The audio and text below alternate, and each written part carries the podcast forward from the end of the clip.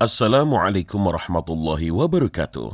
Alhamdulillah wassalatu wassalamu ala rasulillah. Sahabat khazanah, Allah Ta'ala berfirman, A'udhu billahi minasyaitanir rajim. Bismillahirrahmanirrahim. Inna rabbaka labil mirsad.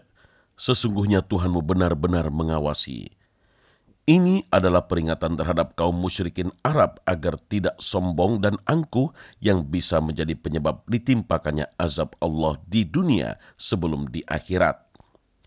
Allah mengingatkan mereka dengan kejadian yang menimpa kaum Ad, kaum Samud, Fir'aun, dan bala tentaranya. Semua kesombongan mereka tak akan luput dari pengawasan Allah. Ibnu Abbas mengatakan bahwa makna ayat ini ialah mendengar dan melihat semua amal perbuatan makhluknya, dan kelak dia akan menimpakan balasannya terhadap masing-masing, baik di dunia maupun di akhirat nanti. Dan kelak dia akan memutuskan hukumnya terhadap mereka dengan adil dan memberikan pembalasan kepada masing-masing sesuai dengan apa yang berhak diterimanya. Allah Maha Suci dari perbuatan aniaya dan melampaui batas. Kemudian Allah menyebutkan sifat-sifat orang-orang kafir. فَأَمَّا الْإِنسَانُ إِذَا مَا ابْتَلَاهُ رَبُّهُ فَأَكْرَمَهُ وَنَعَّمَهُ فَيَقُولُ رَبِّي أَكْرَمَنِ Maka adapun manusia apabila Tuhan mengujinya lalu memuliakannya dan memberinya kesenangan, maka dia berkata, Tuhanku telah memuliakanku. Wa amma idza mabtalahu faqadara alaihi rizqah fayaqulu rabbi. Namun apabila Tuhan mengujinya lalu membatasi rezekinya maka dia berkata, Tuhanku telah menghinakanku. Dua ayat ini adalah gambaran pola pikir orang kafir. Jika diberi rezeki, mereka merasa dimuliakan. Tetapi jika rezekinya disempitkan, mereka merasa dihinakan. Mereka menjadikan barometer kemuliaan dan kehinaan pada harta. Harta sesungguhnya hanya sebagian kecil yang disebut rezeki yang Allah berikan kepada kita. Tak dibedakan apakah dia muslim atau bukan, dia orang bertakwa atau orang fasik. Semuanya mendapat jatah rezeki berupa harta. Inilah rezeki yang bersifat umum. Besar kecil rezeki yang berupa harta ternyata tidak ada kaitan dengan ketakwaan kita.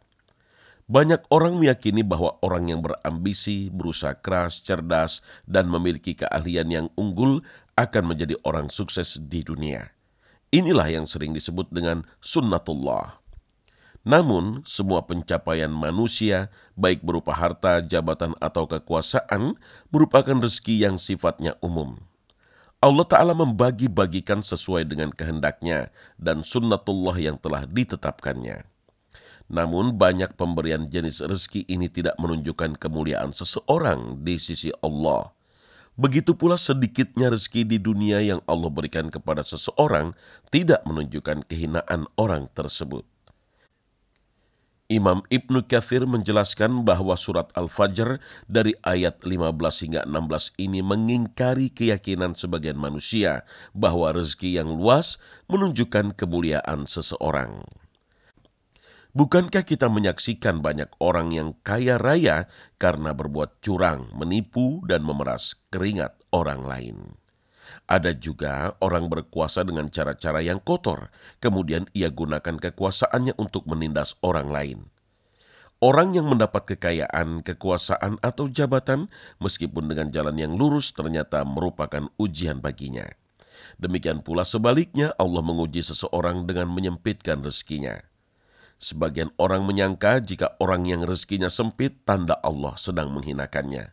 Maka Allah katakan, sekali-kali tidak. Yang dimaksud bukanlah seperti persangkaan mereka.